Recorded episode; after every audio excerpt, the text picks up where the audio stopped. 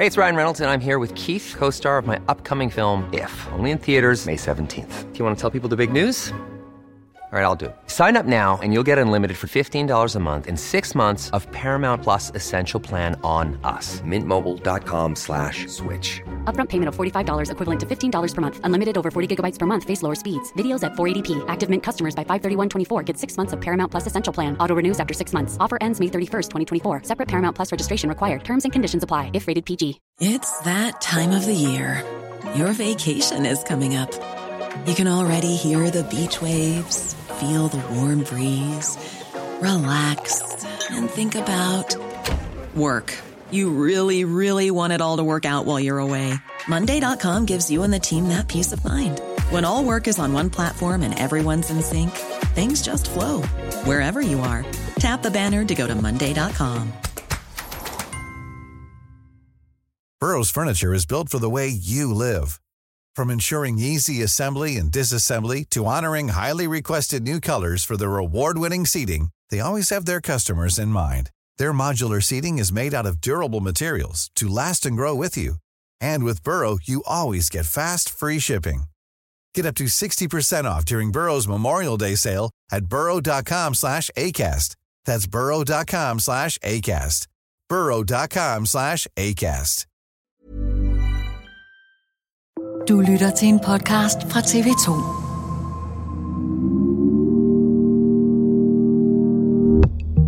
I denne uge kom nyheden om, at Danmarks eneste formidler af internationale adoptioner, Danish International Adoption, også kaldet DIA, lukker. Det betyder i praksis, at det ikke længere er muligt at adoptere fra udlandet som dansk familie. Og det er ikke første gang, at adoptioner trækker overskrifter. Det seneste år har der været historier om, hvordan flere sydkoreanske adoptivbørn er kommet til Danmark med forfalskede fødselsdokumenter. For et år siden talte min kollega Thomas Bug Andersen med Jong Sun Gulak, som selv er adopteret og som drømmer om en kuglegravning af hele adoptionsområdet. God fornøjelse. må bare lige spørge, bare lige til start med, hvordan føler du dig tilpas her i studiet? Fordi vi hvad, hvad, hvad, hvad kan jeg gøre for, at du føler dig godt tilpas her? Jamen, jeg tror, det er fint. Altså, ja, det eneste, jeg tænker lidt, det var sådan, om du havde en serviet eller sådan noget lignende, Ja. fordi jeg, og jeg synes, det ved ved jeg godt lyder meget mærkeligt, jeg har reageret sådan ret kraftigt på øh, skumgummien på mikrofoner, så jeg kan Ja. godt få sådan lidt et allergisk anfald på et tidspunkt, Okay, hvor mine øjne løber i vand, og jeg måske nyser. okay. I don't know. Jeg troede, du bad om en serviet, måske fordi du muligvis vil blive påvirket, følelsesmæssigt overvældet af vores øh... samtale, men det er ikke det. Nej, nej, Nej. altså jeg vil sige, jeg har jo arbejdet med adoptionsaktivisme øh, i øh, mere end 20 år, og Ja. jeg tror, jeg har grædt mange tårer, og jeg gør det jo stadigvæk. Jeg kan stadigvæk blive dybt berørt, både af mine egne og andres situationer. Lad os se, om vi kan komme igennem det uden tårer.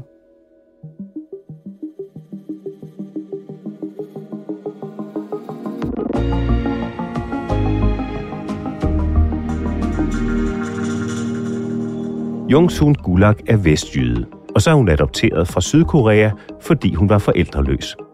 Hed det sig. Men noget kunne tyde på, at det ikke passer. Og nu er Sydkorea gået i gang med at undersøge 21 sager om børn adopteret til Danmark. Spørgsmålet er så, om de danske myndigheder er klar til at tage deres ansvar. Dato i dag handler om retten til at kende sin egen historie. Jeg hedder Thomas Bug Andersen.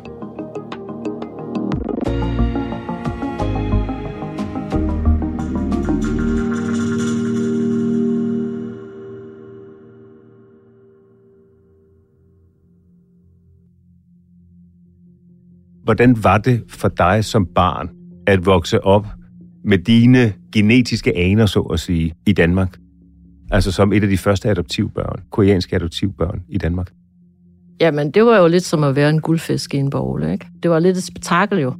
Altså, det var sådan et syn, når vi ligesom ankom som en samlet familie. Jeg kan give en barndomserindring, jeg har. Vi kører søndagstur i en bil. Det gjorde man, det var efter oliekrisen. Så der måtte man godt køre søndagstur igen, ikke? Så vi kørte søndagstur, og så sådan, som, som virkelig sådan gode øh, 70'er forældre, så havde min øh, mor smurt madpakker. Og det var de der små kasser, hvor du sådan ned, og så kom sådan en bakker ud, og så ligger der fire flade, halve flade, ikke? Og så stopper vi ved en resteplads, og så pakker hun så madpakken ud, så sidder vi så, min søster og jeg, og mine to forældre, min søster og jeg sidder på den ene side, og mine forældre sidder på den anden side, og så sidder vi og spiser mad. Og så kommer der en bil sådan kørende ind på restepladsen, stopper op, ruller vinduet ned, tager to billeder, ruller vinduet op og kører videre. Og sådan var det. Og dengang så det at tage billeder, det var en forholdsvis bekostelig affære, fordi der tog man det på film, og det skulle fremkaldes. Ikke? Men det var åbenbart så spektakulært på en eller anden måde, at det var en del af deres ferieminde, at de sådan synes, de kunne køre ind på den her resteplads, så billeder er os, som om vi er en eller anden udstillingsgenstand. Og dengang kunne jeg jo ikke sætte udtryk på, hvorfor det var ubehageligt, men senere har jeg jo kunne sammenligne det med den følelse, det har været, som øh, da man udstillede farvede børn i zoologisk have. Det lyder ikke rart. Nej, men det var jo hverdag, ikke? Altså, det var jo det, man vendede sig til, eller det, som man ligesom i hvert fald var udsat for i 70'erne og op i 80'erne. Du voksede op i en dansk familie i Vestjylland, og jeg tænker, at dine forældre, når nu dit udseende har tiltrukket så meget opmærksomhed, at I har snakket om, hvor du kommer fra oprindeligt, og hvad for en historik du har med dig. Hvad har været din fortælling fra din forældres side om, hvad du kom fra? Altså, jeg var jo barn i 70'erne, og dengang fik øh, mine forældre fortalt, at det var vigtigt, at vi blev så danske som muligt. Og det vil sige, at man rent faktisk ikke opfordrede til overhovedet at uh, fortælle noget omkring min baggrund og min herkomst og min historie, altså min oprindelige fortælling. Hvad sagde dine forældre, når du spurgte? Jamen, de havde sådan en eller anden uh, meget løs forklaring om, at uh, der havde været krig i Korea, og det var fattigt, og, og der var mange forældreløse børn, og jeg var en af dem. Og så egentlig ikke så meget mere. Mange forældreløse børn i Ja. Korea, og du var en af dem. Jeg var en af dem. En af de heldige. Ja, en af de heldige, og, og også, jeg skulle være glad for, at jeg nu havde fået en god familie, jo. Altså, at jeg var kommet til Danmark. Altså, det var jo et stort fordel og et stort privilegie, at jeg var kommet hertil. Og hvornår bliver du så første gang i tvivl om, hvorvidt historien om, at du er et forældreløst barn fra øh, Korea, hvorvidt den er sand?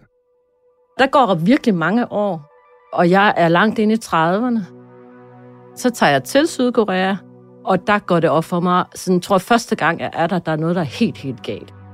Altså, der er sådan noget, der er helt skævt i min meget mærkelige fortælling omkring Sydkorea, som det her fattige, undertrykte land, som jo ikke har råd til og ikke har mulighed for at tage sig af deres egne. Og så bup, lander jeg i Seoul, som er den her metropol og den her brølende, højteknologiske øh, by, som øh, på mange områder var langt mere udviklet end København. Og da jeg så så det, så det var jo det første, det var jo ligesom sådan en boble, der brast. Altså en boble af et, et underligt imaginært billede, jeg havde skabt mig af mit oprindelsesland, fordi jeg i virkeligheden ingen referencer havde til det, og ingen forståelse havde af det. Så det var jo sådan set der, hvor jeg begyndte at, at sige til mig selv, det her, det bliver jeg nødt til at undersøge. Jeg bliver nødt til at finde ud af, hvad det er, hvad min fortælling er, hvad min historie er, fordi jeg kan ikke få det til at passe med det, jeg ser.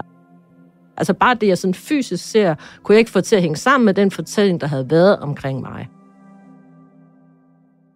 Og hvad gjorde du så for at undersøge din egen historie? Jamen, jeg startede en, det, man kalder en søgning efter oprindelig familie. Altså, jeg startede med at gå til Holt, som var mit uh, adoptionsbureau, og spørge til, hvordan og hvorledes. Og Hold, det er det koreanske Det er den adoptionsbureau. koreanske adoptionsbureau, som har formidlet mig ud af Korea. Og så dengang var det så Møderhjælpen, som senere blev til Tatesom, der var den modtagende formidlende organisation i Danmark. Holt ligger på det tidspunkt i sådan en suburb i, i Korea. Dengang var det sådan en brunstensbygning, og så kommer man, og så går man sådan op på anden sal. Der bliver man så sat ind på et venteværelse.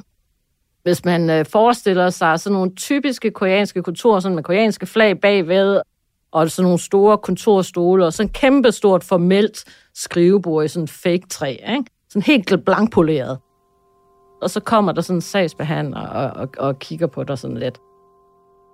Inden da har man jo skrevet til dem og sagt, man kom, så derfor så har de en sag med. Det var sådan en bunke af papirer, der sådan cirka var 20 cm høje. Det er altså ret mange papirer, ikke? Og så sidder hun sådan med det, og hun sidder sådan helt sådan og holder på det med sådan to hænder lagt oven på den her sag. Og Jeg sad jo bare og kiggede sulten på den der bunke og tænkte, gud, jeg får sådan en kæmpe bunke udleveret. Det var jo vildt. Og så kan jeg bare meget tydeligt huske at sige, at jeg vil gerne se mine papirer. Og så kigger hun så på det, og så siger hun, der er ikke noget interessant i det her. Hun holder stadig på Og Så sagde jeg, så det gør ikke noget. Jeg vil bare gerne se den. Ikke?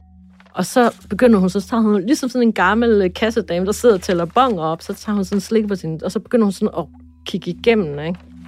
Og så på et tidspunkt, så stopper hun, og så trækker hun sådan et stykke papir ud af den her 20 cm høje bunke, og siger, du har fået den her. Og det var det, jeg fik. Jeg fik et stykke papir ud af 20 cm høj bunke. Og det papir var et transferpapir fra hospitalet, hvor jeg var blevet undersøgt til Holt Børnehjem. Hvordan føles det? Jamen, det var jo dybt ydmygende. Altså, det var jo helt vildt, og jeg havde jo ikke i min vildeste fantasi forestillet mig, at jeg ikke måtte få mine egne papirer. Og det er jo der, hvor jeg, altså kan man sige, hvis man snakker om en indre ild, der bliver tændt, så er det jo der, der bliver tændt en indre ild omkring, at jeg bliver nødt til at undersøge det her. Fordi du håber på, at du faktisk ikke var forældreløs. Og fordi jeg er ret sikker på, at jeg ikke var det. Og hvad er det, der får dig til at tro, at du ikke var forældreløs, som du og som dine forældre, danske forældre, er blevet fortalt? Altså, fordi for det første, så er jeg jo, øh, jeg er for 67. Der er en efterkrigstid fra 55 og fremadrettet. Og man kan sige, lige efter krigen, så kan det jo være ganske reelt, at der er nogle forældreløse. Det kan man godt forestille sig, det kan man også godt antage. Men når du kommer hen til 67, så kan man sige, så er det ikke, kan man sige, det her krigsaftermath, der gør, at man skulle være forældreløs. Så sandsynligheden for, at jeg er uden mor og far, og for øvrigt også øvrig familie, er meget, meget lille og faktisk ikke eksisterende. Der kunne vel godt være andre grunde end krigen til, at der var forældreløse børn i den sydlige del af Korea i slut 60'erne. Der er meget, meget få forældreløse børn i Korea. Der findes statistik fra før transnationale adoption blev sat i system, som de gør i omkring fra 1970 og frem, der viser, at på det tidspunkt kan man registrere måske omkring mellem 300 til 550 forældreløse i Korea. Det er jo ikke det samme som, at de børn alle sammen bliver sat på børnehjem. Det skal man jo også huske. Altså forældreløse børn er jo ikke det samme som, at du ender på et børnehjem. Man kan også ende i ved mostre og onkler og familie. Og... Som regel så ender langt de fleste i den nærmeste familie af en eller anden art. Ikke? Det øjeblik, man begynder at lave transnational adoption, så stiger antallet fra de der 3 til 600 børn om året til 15.000 om året. Det vil sige, sandsynligheden for, at jeg skulle ligge i den der lille gruppe af de 3-600 versus den store gruppe om de kring 14-15.000, der vil jeg nok skyde på, at jeg ligger i den store gruppe.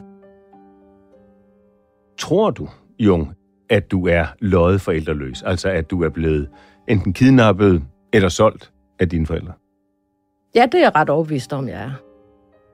Og det er jo på grund af, at jeg efterhånden jo nu har søgt i så mange år, og derved har jeg også fået grænsket mine papirer af flere omgange. Og hvis jeg begynder at kigge i de papirer og dateringen af de her papirer, så hænger de slet ikke sammen. Det første, man gør, det er, at man laver sådan en tidslinje, hvor man går ind og kigger på alle sine papirer, og så skriver man bare datoen ned. Hvornår er det dateret? Og så kigger man på, kan det passe? Hvad er det, der for eksempel ikke passer? Jamen, det er jo, at der er nogle sådan helbredsmæssige attester, som ligger skævt i forhold til, hvornår de påstår, jeg var på hospitalet, og hvornår jeg fik jo det her overdragelsespapir for hospitalet også, ikke? Så der er sådan noget, der ikke passer i forhold til det. Der er nogle billeder af mig, der har nogle datoer stemplet bagpå. Jeg har jo sådan, jo sådan nogle små bitte pasbilleder, man får, men så er de så stemplet datoer bagpå. Og der er for eksempel et billede af mig, hvor jeg er helt skaldet. Altså, jeg har ikke noget hår på hovedet. Og så skulle jeg to måneder efter have fuldt sæt hår på hovedet, for eksempel. Altså sådan, så der er også nogle billeder, der slet ikke passer sammen datomæssigt og sådan nogle ting.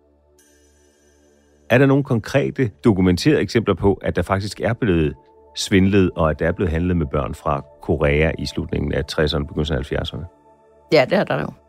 Der er jo cases, hvor folk har fundet deres oprindelige familie, og derved kan samstemme de uh, informationer, familien har. For eksempel bare noget så simpelt som en fødselsdato ikke? og et navn. Det er sådan de to mest basale ting, der har til at identificere dig. Og hvad er der sket i de sager? Der er sket mange ting. Ikke? Altså, det kan være forbytninger. Altså, det vil sige, at man er blevet sat ind i stedet for et andet barn. Det skete jo, at forældre kom og hentede deres børn igen, fordi de fandt ud af, hvor de var. Og så stod du jo med et barn, der var på vej til at blive sendt overseas, men der var ikke noget barn, og så blev du sat et andet ind i stedet for. Det var sådan meget normal ting, der skete, ikke? at de enten gik bort, altså de døde. Der var rigtig, rigtig mange børn i Holds varetægt, der døde jo. Så enten gik de bort, og så satte man en anden ind, eller så kom forældrene og tog dem tilbage, og så satte man dem ind. Sydkorea nedsætter nu en kommission, der skal undersøge, om bortadopterede børn er blevet løjet forældreløse. Kommissionen skal i første omgang undersøge 34 sager. Heraf stammer de 21 fra Danmark. Her begyndelsen af december har Sandhedskommissionen sagt, det vil vi faktisk gerne kigge på. Hvad er årsagen til, at det pludselig sker efter så mange års kritik, mistanke, anklager og frustration? For det første, det er, at den her sandhedskommission er her. Ikke? Den har jo ikke altid været der, så det har ikke altid været sådan en, man har gået til. De går jo ind og undersøger forbrydelser helt op til 93, den tid Sydkorea var diktatur. Ikke? En anden ting, det er jo, at der er blevet gjort det her store stykke arbejde for Danish Koreans Right Group om at dokumentere, altså så man kunne dokumentere sådan helt konkret, at der er foregået forfalskninger. Og så tror jeg også, fordi der er en kritisk masse af adopterede, koreanske adopterede, der har fundet oprindelige familier. Det vil sige, at det er alt andet lige nemmere i virkeligheden at bevidne og dokumentere, at der er foregået forfalskninger. Det er fordi, nu kan man spørge begge parter. Man kan både spørge den adopterede og kigge i den adopterede papir, men man kan også spørge den oprindelige familie og sige, jamen, hvad skete der egentlig, da du afgav dit barn, og afgav du overhovedet dit barn? Og de fortællinger, der kommer frem, er jo forholdsvis horrible, men de er jo også, kan man sige, på den måde nemmere at dokumentere, når de har fundet familie. Du kalder det her menneskehandel. Ja, det gør jeg. Hvordan det? Jamen, det har jo været, fordi man har handlet individer. Altså, man har sat pris på et individ, og så har man sagt, prisen for det her individ er det her. Altså, i dag, der betaler danske par jo omkring øh, 290.000 kroner for at adoptere fra Sydkorea.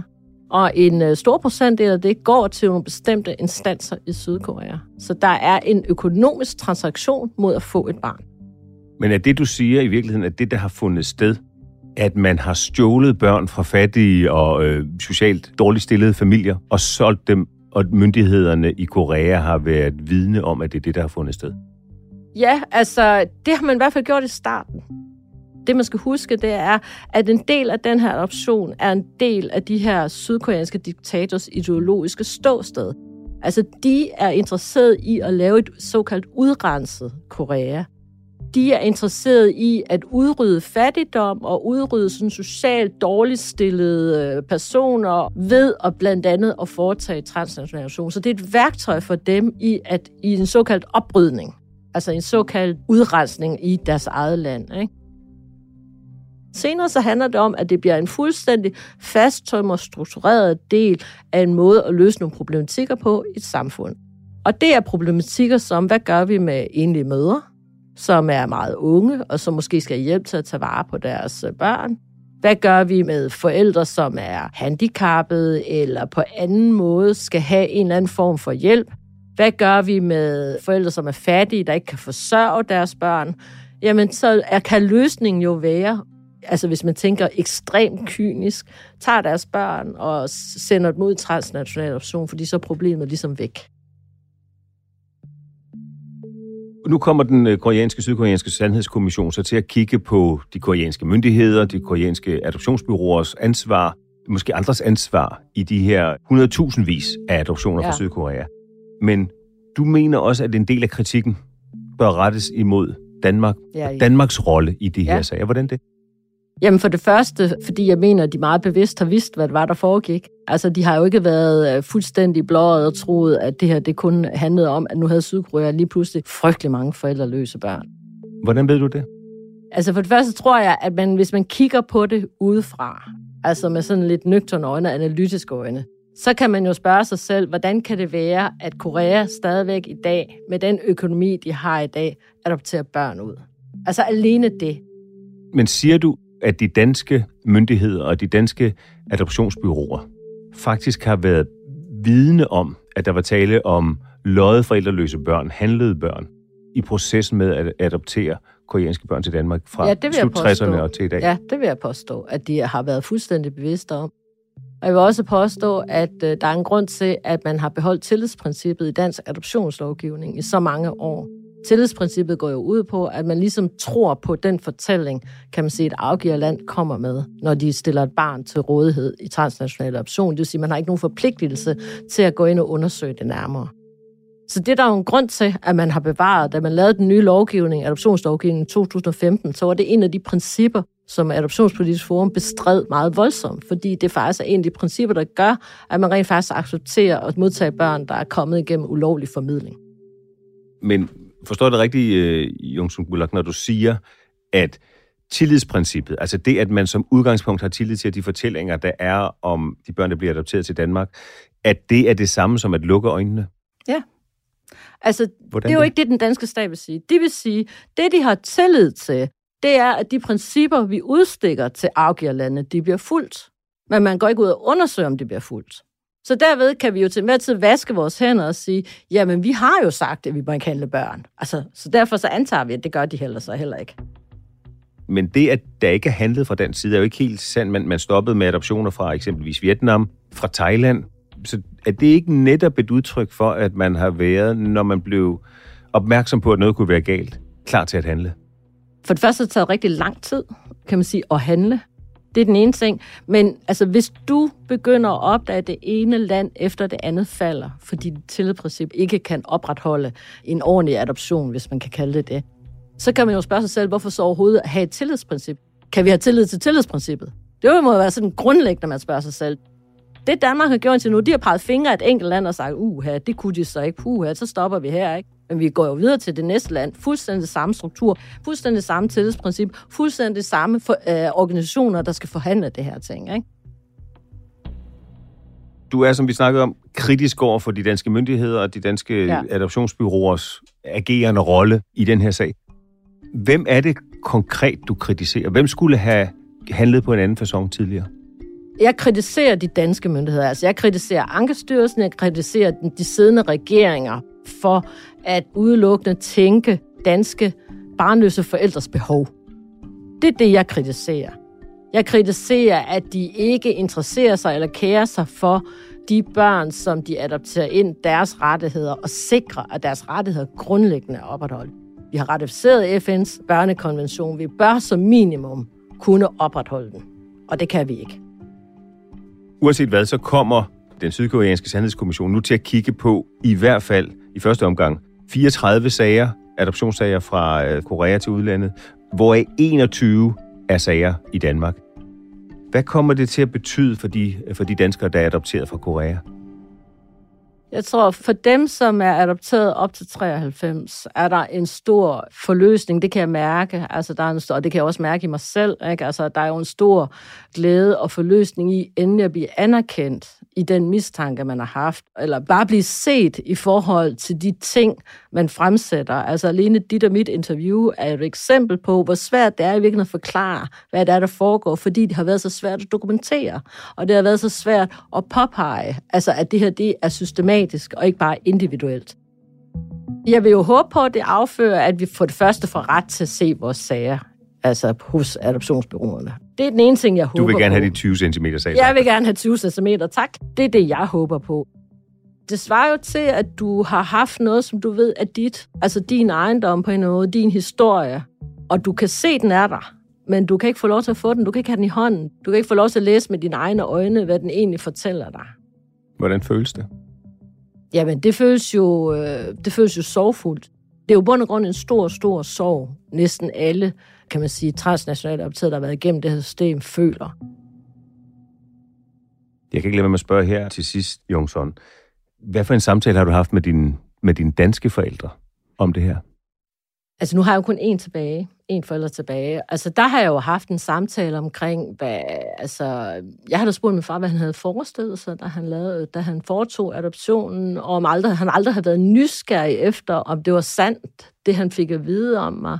Jeg har haft mange samtaler med om, hvordan han selv følte omkring det, og han anerkender jo fuldt ud, at det var et egoistisk ønske fra hans side. Altså, jeg har haft mange samtaler med ham, ikke? Men det er jo ikke sådan, at jeg øh, bebrejder min far for at have foretaget en bestemt handling. Altså, han har foretaget en handling ind i den historie, han er vokset ind i, som hed i 70'erne, så man det som en the good deed, altså en god gerning at gøre. Ikke? Men jeg har måske bebrejdet ham lidt, han ikke har været mere nysgerrig på egentlig at ville undersøge, om det nu var sandt, det han fik at vide om os. Og at, at han havde så meget autoritetstro, at han bare tænkte, om det er jo fuldstændig korrekt, det der står. Ikke? Altså. Og det kan han godt se efterfølgende. Altså, nu er han jo en ældre mand, men han kan godt se efterfølgende, at øh, han burde måske have været mere nysgerrig. Men havde aldrig forestillet sig jo, at det havde det omfang, som det har. Men nu har du og andre løftet den opgave og gjort os og mange andre opmærksom på, hvad der måske helt fuldstændig urimeligt og ulovligt og umenneskeligt er sket for tusindvis af danskere. Ja, Måske. måske. Det, det vil vise sig. Jeg er Mange- ret sikker på, at det er et, ikke bare et måske, at det bliver bevidnet nu. Jung Sun Gulag, mange tak, fordi du vil fortælle din historie her. Selv tak. Tilrettelagt af Mathias Bundgaard, lyddesignet af Ida Skærk, redaktør er Astrid Louise Jensen. Jeg hedder Thomas Bug Andersen. På genhør.